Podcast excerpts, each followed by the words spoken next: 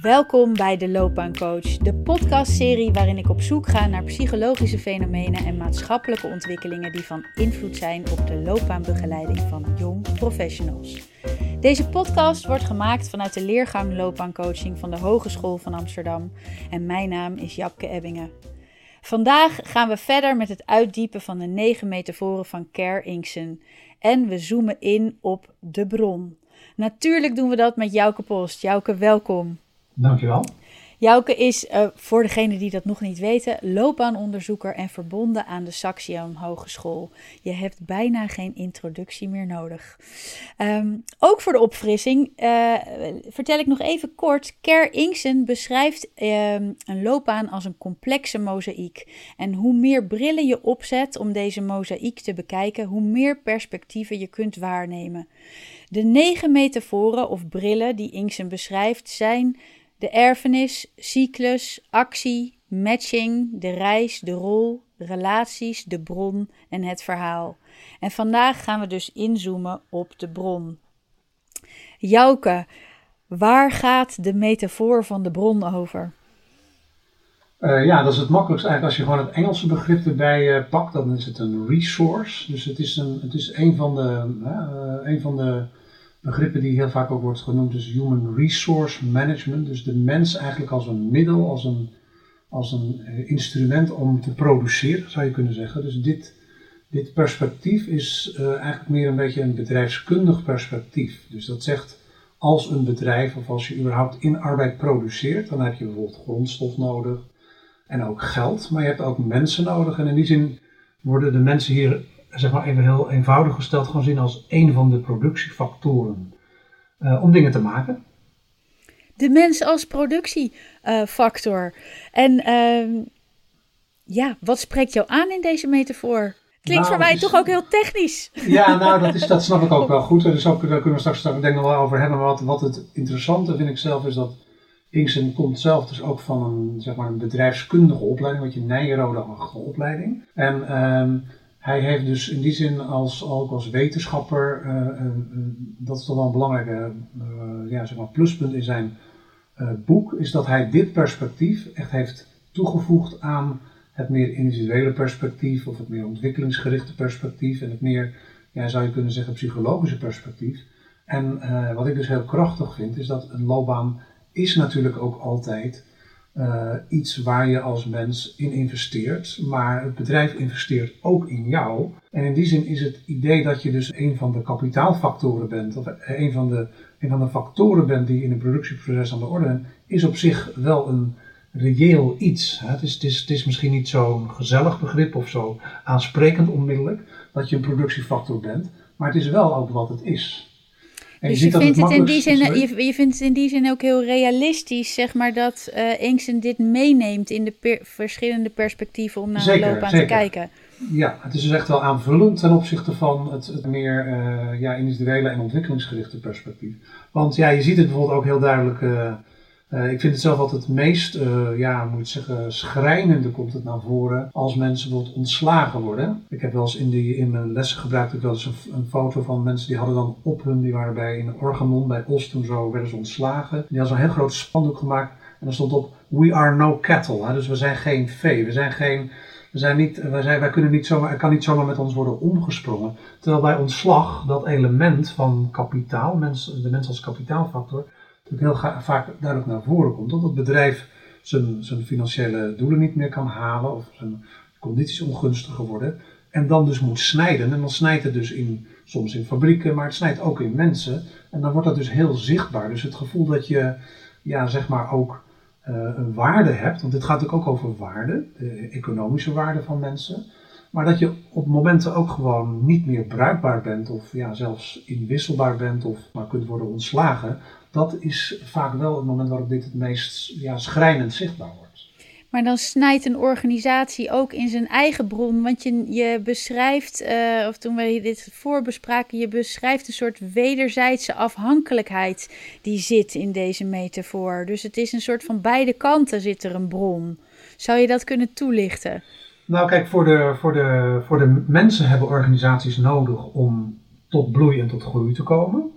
En organisaties hebben mensen nodig om hun markten gewoon te kunnen bedienen. Hè. Dus je ziet dat heel duidelijk bijvoorbeeld bij, stel je bent een consultancybedrijf in de ICT, dan is de consultant natuurlijk een hele belangrijke factor in de kansen van het bedrijf of bepaalde markten die die, waar die consultant heel erg goed in is of bepaalde soorten van dienstverlening. Dus die consultant is ook een heel belangrijke, dit jargon heet het dan een asset, een belangrijke waarde voor dat bedrijf omdat uh, als die consultant er niet meer is of die vertrekt bijvoorbeeld, kan dat soms ook een heel groot deel van de markt van zo'n bedrijf ja, doen instorten. En soms nemen consultants ook, hè, die beginnen dan voor zichzelf, en die nemen dan ook gewoon een deel van de markt mee.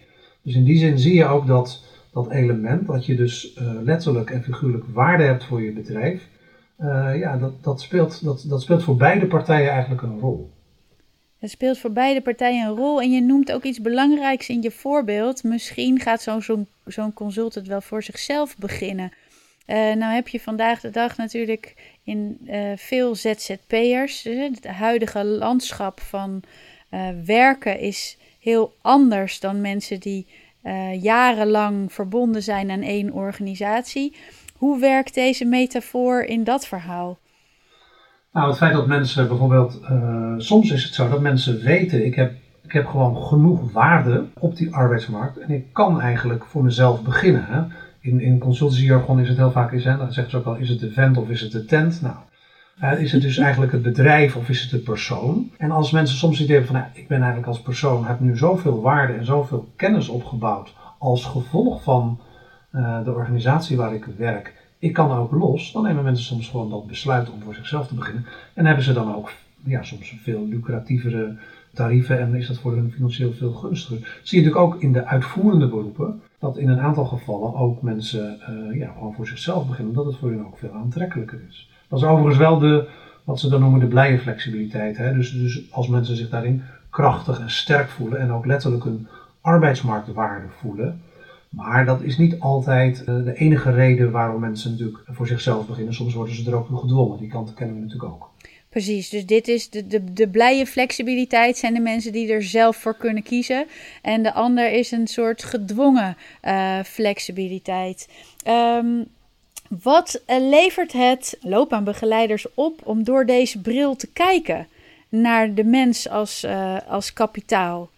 Ja, dat is, ik denk dat het, dat, het, dat het in de kern betekent dat je, dat je mensen natuurlijk helpt om letterlijk en figuurlijk hun waarde te vergroten en te versterken. En dat je, dat je dus ook jouw begeleiding erop gericht is om te zoeken naar welke waarden mensen nu al hebben. Dus dat, dat betekent, in heel veel gevallen betekent het dat bijvoorbeeld, neem even het voorbeeld wat ik net aanhaalde van ontslag. Dat mensen soms, omdat ze worden ontslagen, heel erg in zo'n transitieproces hun, eigen waarde en ook hun arbeidsmarktwaarde kwijt kunnen raken. Dat ze niet meer weten, als ik hier niet meer van waarde ben, wat ben ik dan nog wel van waarde? Dus in zekere zin is je werk ook op te vatten als een, ja, zeg maar als het bepalen van de waarde en van de arbeidsmarktwaarde, zo noemt ook wel transitiewaarde uh, van mensen uh, op die arbeidsmarkt. En dat vraagt dus dat je heel goed kijkt naar wat heb je nu eigenlijk te bieden? Wat heb je in huis aan kennis, aan vaardigheden, aan skills, aan noem het allemaal maar op. En op welke manier wil jij die weer opnieuw in gaan zetten in nieuwe contexten. Ja, dat is leuk. En dit is een heel ander soort waarden als waar we het wel in andere podcasten afleveringen over gehad hebben. Over, uh, nou ja, ik denk aan de ACT-aflevering, maar ook uh, misschien veel meer in, in relaties, hè, wat waarde is. Of in een reis, wat waarden zijn voor iemand. Uh, gaat het hier gewoon letterlijk over, over het human capital. Wat voor waarde heb je als bron in het arbeidsproces? Ja. dus als je dan als loopbaanbegeleider naar die waarde gaat kijken van iemand en dat wil versterken, waar, uh, waar let je dan op? Ja, op zich is het natuurlijk uh, is het, is het iets wat, wat je dus probeert te inventariseren met iemand. Hè? Wat, wat heb je gewoon te bieden uh, en wat, in welke contexten is dat van waarde? Dus waar heb je ook toegevoegde waarde? Dus dat is het hele zoekproces van de persoon met, met dan nieuwe contexten. En in een aantal gevallen betekent dat je natuurlijk op zoek gaat naar contexten die al bestaan, dus zeg maar andere organisaties. Soms kijk je ook met mensen naar kan je die waarde ook bijvoorbeeld inderdaad in een ZZP-schap of in een andere nieuwe contractvorm als het ware kapitaliseren. Hoe kun je die vorm gaan geven? Ehm, dus dat, dat, dat is wat je iedere keer probeert te zoeken. Maar in de kern gaat het ook altijd over dat mensen soms ook daar wel, wel een bepaalde waarde kunnen hebben. Maar dat ze soms ook hele andere dingen willen gaan doen. Dus het wil niet altijd zeggen dat de waarde die ze nu hebben ook de waarde is die ze, waar ze mee verder willen. Ze kunnen soms ook gewoon, een hele andere richting op, in willen slaan. Waar hun arbeidsmarktwaarde nog helemaal niet zo groot is. En waar ze in zekere zin weer opnieuw moeten beginnen. Dus ik sprak laatst iemand die was gewoon vanuit een hele commerciële, succesvolle setting. Uh, was die uitgestapt en die, die ging gewoon het befaamde voorbeeld van voor zichzelf beginnen in, in, het, in het maken van kazen. Ja, dan moet je dus in zekere zin weer helemaal opnieuw beginnen, want daar is je waarde nog heel gering. Dus het hangt een beetje af, van, hè, zeg maar het willen komt er natuurlijk wel bij het willen komt er wel bij in welke waarde, dus de andere vorm van waarde daarin zitten. Maar het gaat dus dan ook over welke set aan loopbaancompetenties heb je en welke competenties uh, moet je misschien nog ontwikkelen daarin. Ja. Is nog een ander aspect wat wel een beetje meespeelt, is dat het hele idee wat je ongetwijfeld wel kent, hè, dat, dat je jezelf in deze samenleving die toch wel meer individualiseert en waarbij je, je persoonlijke arbeidsmarktwaarde ook nog wel moet worden gepitcht. Hè, dat, dat, dat dat dat idee van, uh, het hele idee van pitchen of het, het aanmaken van je LinkedIn profiel, dus de mens als merk, hè, de brand you wordt het ook wel genoemd, dat idee zit natuurlijk hier ook wel een beetje in. Dat je moet laten zien en ook moet tonen, moet, moet expliciteren van ja, dit is, dit is wat ik te bieden heb. ofwel in een cv, ofwel in je LinkedIn profiel. Dat je ook die waarde als het ware zichtbaar moet maken en uh, moet tonen. The brand you. Wat is jouw brand, uh, Jouke? Uh, ja, inmiddels denk ik wel dat ik, uh, ja, dat is wel, een, dat is wel interessant. Ik heb bijvoorbeeld, doordat ik zo lang in dit vakgebied zit, hè, ik ben natuurlijk eigenlijk gewoon begonnen in de praktijk, docent geworden en allerlei rollen gespeeld, uh, weet ik veel van dit vakgebied, maar ik weet ook iets van de geschiedenis van dit vakgebied. En de laatste jaren ben ik me eigenlijk gewoon heel natuurlijk, omdat ik ook naar vier buitenlandse congressen gegaan, meer gaan verdiepen in wat gebeurt er nog meer in de wereld, krijg je eigenlijk nog weer een ander perspectief. En ik merk dat ja, dat perspectief heeft een waarde in sommige contexten. En ja, dat probeer ik dan gewoon niet zozeer te gelden te maken. Dat dat is niet zozeer mijn perspectief. Maar ik probeer wel mijn toegevoegde waarde te leveren in contexten die ook die kennis goed kunnen gebruiken. Precies, dus jij bent hier nu de bron in, dit, uh, in deze loopbaancoach uh, aflevering, podcast. En zo deel jij jouw kennis en waarden. En zo worden luisteraars ook weer van toegevoegde waarde in de contexten waarin zij bewegen. Door misschien nog meer kennis te genereren. Ja, zeker. En zo zit je natuurlijk ook nog uh, in dat toegevoegde waarde. Uh, noemde je in onze vorige gesprek ook het belang van leven lang ontwikkelen in dit perspectief. Kun je daar nog iets meer over vertellen? Nou, kijk, het hele idee natuurlijk is altijd een beetje lastig hoe, hoe, hard het zal gaan. Maar het hele idee is natuurlijk dat de dynamiek van de arbeidsmarkt en laten we zeggen het, de mate van versnelling en technologisering zal betekenen dat je waarde op de arbeidsmarkt en ook de, zeg maar, de stabiliteit van die waarde of de continuïteit van die waarde wat sneller zal, uh, zal, zal ja, wat, wat minder snel zal, zal blijven bestaan. Ze noemen het ook wel de halfwaardetijd van kennis. Dat, dat je wat sneller als het ware ook achterhaald raakt in sommige vaardigheden en kennis. En dat idee van dat je dus uh, moet blijven investeren in jezelf, dat wordt natuurlijk heel vaak benadrukt bij een leven lang ontwikkelen. Omdat als je dat niet doet, zou het zomaar kunnen zijn dat je, dat je waarde uh, achteruit gaat en je dus niet meer je plek op die arbeidsmarkt kunt vasthouden. Dat is dan de grote nou ja, moet zeggen, beweging van een leven lang ontwikkelen. En dan geldt dat ook voor mensen die vanuit zichzelf helemaal niet zo makkelijk of helemaal niet zo graag willen ontwikkelen. Hè. Dus, dus er zijn natuurlijk genoeg mensen die zeggen, nou ik heb een baan, ik vind het prima, ik doe dit graag, maar ik hoef helemaal niet, zo, niet zoveel te leren. En ook die mensen zullen dus uh, wat meer worden, moeten worden geprikkeld in, in het oog van die toekomst om te blijven investeren in zichzelf. Want als ze het niet doen, kan zich dat wel eens tegen hun keren en kunnen ze wel in de situatie komen van werkloosheid en ook wel van ja, een soort een beetje achterhaald raken qua kennis. En dat aspect van hoe prikkel je mensen om te gaan leren, niet alleen de mensen die het toch al willen, maar ook de mensen voor wie dat toch meer voelt als moeten of als verplichting. Dat is wel de kernuitdaging, of eh, wat ze tegenwoordig noemen de opgave in uh, het proces van een leven lang ontwikkelen. En hoe doe je dat? Ja, dat is een grote, grote probleem. En we merken dat, dat, dat, het, dat het heel hardnekkig is. Ook onderzoeken wat die verschijnen, die laten iedere keer zien dat het echt heel lastig is om mensen daartoe te prikkelen en dat je daar ook wel nieuwe instrumenten voor moet. En wat, wat maakt het lastig? Is het omdat mensen niet willen of zijn er ook gewoon misschien niet zoveel perspectieven om je in door te ontwikkelen? Of, of dat het gewoon misschien wel goed is, dat je gewoon tevreden bent met wat je doet? Jazeker, nee, maar dat, is ook, dat, dat, dat probeer ik nou ook net uit te leggen. Hoor. Dat de mensen die tevreden zijn, ja, in wezen zou je zeggen, als, als die arbeidsmarkt niet verandert, nou laten we het allemaal gewoon keurig zo houden, dan is er geen probleem.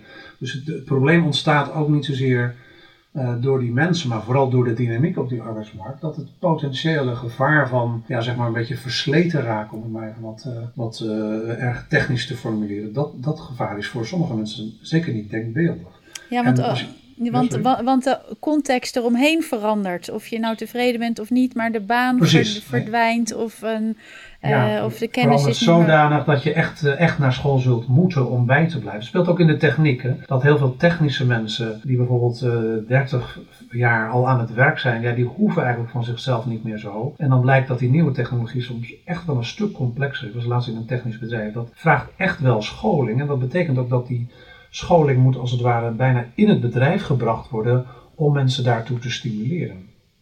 Zijn er leuke initiatieven voor om, om dat scholingsgebeuren uh, nou ja, hè, dus in het bedrijf te brengen bijvoorbeeld? Of zijn er nog andere zelf, eh, manieren? nou, wat ik zelf een heel mooi... Uh, ik ben ook verbonden aan James. Hè, dus dat is een loopbaanafdeling van de CNV Vakbond. En waar we dus binnen James aan gewerkt hebben, vind ik een heel mooi innovatief instrument. Dat noem je dus de leerrekening. Mhm. En dat is, dat is ook echt een, een instrument wat bedoeld is om mensen beter te faciliteren voor het leren in de loopbaan. En dan zal ik het proberen uit te leggen aan de hand van een voorbeeld. Stel je werkt in een context waar je bijvoorbeeld uit wilt. Eh, noem maar even wat, eh, ik zeg maar wat in de supermarkt. Je wilt er eigenlijk wel uit. Je zou ook wel een opleiding willen gaan doen. Die niet zozeer bedoeld is om, om zeg maar bij die supermarkt te blijven werken, maar om uit de supermarktbranche te gaan.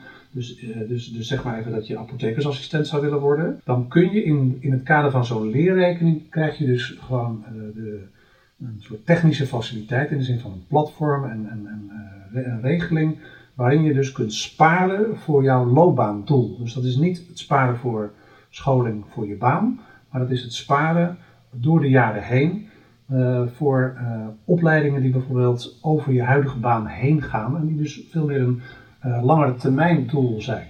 En dat zijn, vind ik zelf, hele mooie instrumenten, omdat die dus de bal van de loopbaan, die steeds meer bij het individu komt te liggen, ook in financiële zin bij die persoon leggen.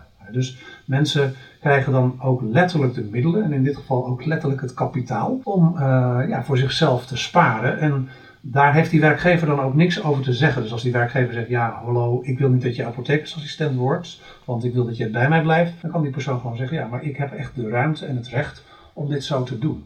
Dan kan je investeren in jezelf als bron. Ja, en, uh, en je eigen waarde op die manier vergroten en versterken. Ja, dat, is, dat is denk ik een heel goed voorbeeld van, van waar dit dus uh, heel letterlijk en figuurlijk uh, gaat over arbeidsmarktwaarde en investeren in jezelf. Ja, mooi initiatief.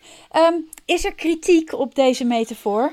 Ja, dat is, uh, dat is best wel uh, ook, ook, ook uh, dat, dat zit een beetje in de sfeer waar jij net al in het gesprek ook begon. Dat je zegt, ja, is een mens nou eigenlijk een kapitaalfactor? En mensen vinden natuurlijk ook niet een fijn woord. En, ja, het voelt zo instrumenteel, hè? En, ja, ja, ja, en, zo weinig mens misschien. Ja, ja, ja, maar kijk, het is natuurlijk, kijk, nee, nee, het is altijd heel duidelijk bij bijvoorbeeld het voetbal, hè.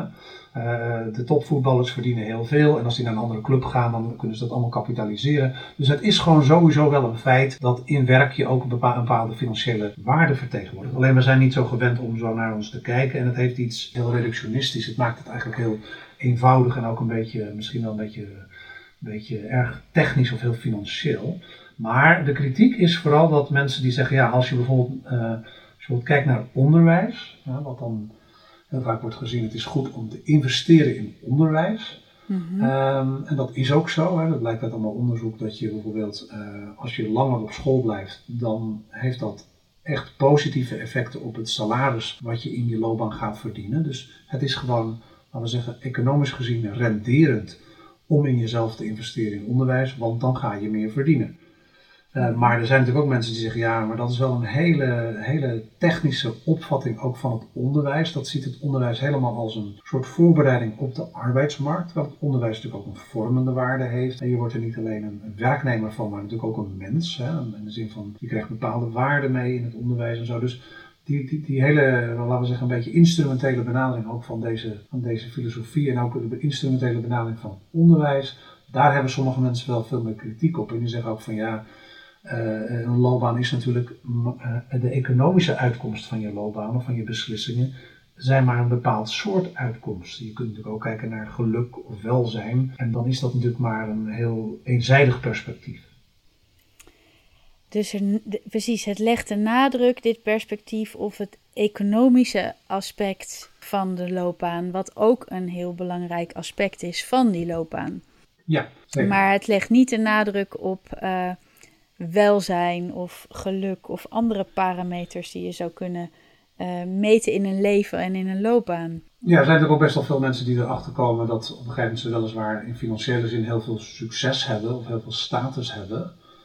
Maar die toch het idee hebben van ja, wat ben ik hier nu eigenlijk aan het doen? Die dus het idee hebben van, dus op dat stuk ook helemaal geen bevrediging of vervulling ervaren. En die dan natuurlijk ja, zichzelf als uh, bron of als kapitaal, zeg maar, gewoon uh, een beetje vervreemd in een bepaalde context voelen zitten. Dat kan natuurlijk ook gebeuren.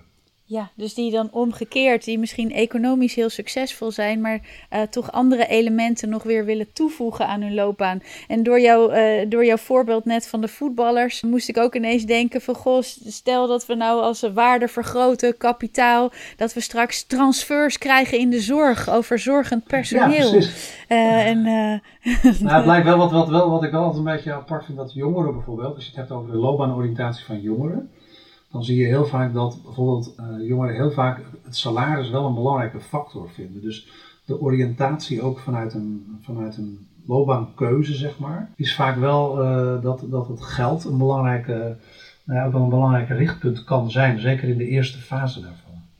Ja, geld en status. En wat doe je daar dan mee als loopbaanbegeleider? Als je dan misschien als loopbaanbegeleider denkt: er is meer in het leven dan dat. Uh, moet je dat dan gewoon laten en komen mensen daar gewoon later achter? Of, uh... Ja, dat vind ik altijd heel, dat is natuurlijk een heel lastig punt. Dat weet ik, weet ik zelf ook nooit zo goed. Want als jij zelf daar een dubbel gevoel bij hebt, of het idee van ja, dat is het toch helemaal niet, uh, ja, dan is het natuurlijk wel heel apart om te gaan zeggen tegen jongeren van joh, weet je wel waarvoor je kiest en zo. Want dan word je eigenlijk natuurlijk een, heel, ga je eigenlijk een hele normatieve soort corrigerende rol in, in, invullen. Ja, dat moet je niet doen. nou ja, dat, is dan, dat, dat kun je doen, maar dan kom je wel in een soort ethische discussie. Ik weet zelf, maar dat is dan een beetje een, een, uh, een ander voorbeeld, het gaat niet zozeer over geld, maar ik weet altijd toen ik in de praktijk werkte, wilden bijvoorbeeld sommige uh, meisjes, die wilden bijvoorbeeld na de MAVO, na de HAVO wilden ze hosters worden. Ik geloof niet eens meer dat het nu nog heel erg bestaat, dat hele, dat hele beroep. Maar ik vond het zelf altijd heel, heel lastig als zij dat wilde worden. Omdat ik zelf altijd dacht van ja, uh, wat is dat nou eigenlijk? En is het nou wel zo, hè? hoe lang vind je, blijf je dat leuk vinden? Dus ik ging een beetje met hun meevoelen van is dat nou wel zo'n goed beroep? Maar tegelijkertijd kom je dan natuurlijk in die wat meer ethische vraag van kun je daar wel uh, invloed op hebben? En wie ben jij om eigenlijk te zeggen van joh, dat is voor jou misschien helemaal geen goed beroep. Dus die, die vraag komt natuurlijk altijd wel een beetje mee van hoe neutraal of hoe, hoe faciliterend ben je dan eigenlijk? Ja, precies. En uh, en, en de centrale vraag als je werkt vanuit dit perspectief is eigenlijk kijken naar hey, hoe vergroot je iemands waarde of hoe kun je iemands waarde versterken. Dan wel binnen het werkveld waar die zit, dan wel mocht iemand zich naar een andere, uh, naar een andere context willen bewegen. En dat, is eigenlijk, dat is eigenlijk waartoe je uh, dienstbaar bent als loopbaancoach en begeleider zit ook een beetje in het eh, element wat we, wat we tegenwoordig heel erg speelt, het begrip van het APK, loopbaan APK. Dat heeft ook wel zo'n idee van een beetje je onderhoud. Komt ik ook uit de autobranche, ben je nog goed in staat om op die arbeidsmarkt goed te blijven functioneren. En het hele idee van een soort scan van, ja, ben ik nog goed, uh, heb ik nog een actuele skillset die ook voor de toekomstige arbeidsmarkt relevant is, dat zit wel in dit type denken. Dus dat, dat raakt wel aan dit kapitaaldenken, zeg maar. En jongeren, die zijn natuurlijk nog niet begonnen op die arbeidsmarkt. Dus die, eh, wat beginnen, die beginnen met wat voor soort APK-keuring? Nou ja, dat is een van de lastige dingen. Dat, dat, uh, dat jongeren uh, natuurlijk überhaupt eigenlijk heel vaak totaal geen, uh, geen beeld hebben van beroepen. Dat is, dat is al heel lang een, een, kwestie, omdat ze soms ook vanuit hun ouders helemaal geen oriëntatie meekrijgen. En omdat die vader natuurlijk, die moeder op kantoor werkt en dan alleen maar het idee dat je de hele dag bij wijze aan het typen bent. Dus dat element van real-life beroepenkennis en arbeidsmarktkennis, dat komt wel steeds meer uh, als een soort uh, uh, noodzakelijk ingrediënt voor ook loopbaanbegeleiding en LOB zeg maar, op scholen. Dat je iets moet zullen, moet zullen doen voor van realistische arbeidsmarktoriëntatie uh, voor jongeren om überhaupt een, een realistisch beeld te kunnen uh, opbouwen vanuit, vanuit de beroepenwereld en vanuit de arbeidsmarkt. En dan kun je daar door de juiste vakken te kiezen, door de juiste stages te kiezen, kun je alvast werken aan het vergroten van je waarde en het versterken van deze waarden. Om jezelf als bron goed neer te zetten straks op die arbeidsmarkt. Zeker. Zeker. Dan uh, was dit volgens mij de bron. Zijn we nog iets belangrijks vergeten over de bron? Nee, ik denk dat we het wel, uh, wel een beetje te pakken hebben. Dus het, uh, het is toch een soort aanvullend perspectief. eenzijdig misschien, maar ook wel goed om naar te kijken van wat, wat, hoe, werkt die, hoe werkt die waarde als het ware door in je, in je loopbaan hoe werkt die waarde door in je loopbaan en dat uh, jij zowel de bron kan zijn voor de organisatie, maar de organisatie dan ook weer als een bron uh, voor jou. Eén uh, laatste die me nu nog te binnen schiet. Hoe zit het eigenlijk met loyaliteit aan het, onder jongeren aan organisaties? Ja, ja dat is wel een. Uh, dat, is wel een, uh, een, dat weten we natuurlijk nog niet precies, hè. Daarvoor, daarvoor zijn ze jong. Maar het idee dat, dat zeg, maar, uh, zeg maar bedrijfsloyaliteit, wat hier trouwens wel sterk aan raakt, dat is wel mooi dat je dat nog even aanpakt. Bijvoorbeeld bij banken speelde dit heel erg, of bij Defensie, bij dat soort organisaties. Mensen heel loyaal waren aan dit bedrijf, maar die loyaliteit wordt nu steeds eerder als het ware eenzijdig opgezegd door het bedrijf, omdat. Ik sprak toevallig vorige week iemand die werkte, die was 30 en die werkte bij de ING. En die uh, kwam ook al in een eerste ontslagronde terecht. Terwijl uh, ja, voorheen waren dat natuurlijk hele grote magneten als het ware op die arbeidsmarkt. Dus dat type bedrijfsloyaliteit zal voor heel veel uh, organisaties toch ook langzaam wel gaan afnemen. En dat betekent dat mensen in dit geval ook echt loyaal moeten, zullen moeten gaan worden aan hun eigen loopbaanperspectief, wat zich toch wat meer over verschillende organisaties zal gaan afspelen. Jouke, dan dank ik jou uh, als onze bron voor dit loopbaanverhaal. En uh, we gaan op nog voor maar een paar metaforen. Uh, ik kijk hier naar uit. Ik ben voor de luisteraar, ben je nieuwsgierig geworden naar eerder gemaakte afleveringen van de Loopbaancoach of afleveringen die nog volgen? We zijn te vinden op iTunes, SoundCloud, Spotify of via de website www.hva.nl/slash loopbaancoaching. Ook zijn we te volgen op Instagram, de underscore loopbaancoach. Vond je het leuk? Laat dan je waardering achter op het kanaal waarin je luistert. Dan worden we steeds makkelijker voor iedereen te vinden. Dit was de loopbaancoach. Leuk dat je luistert.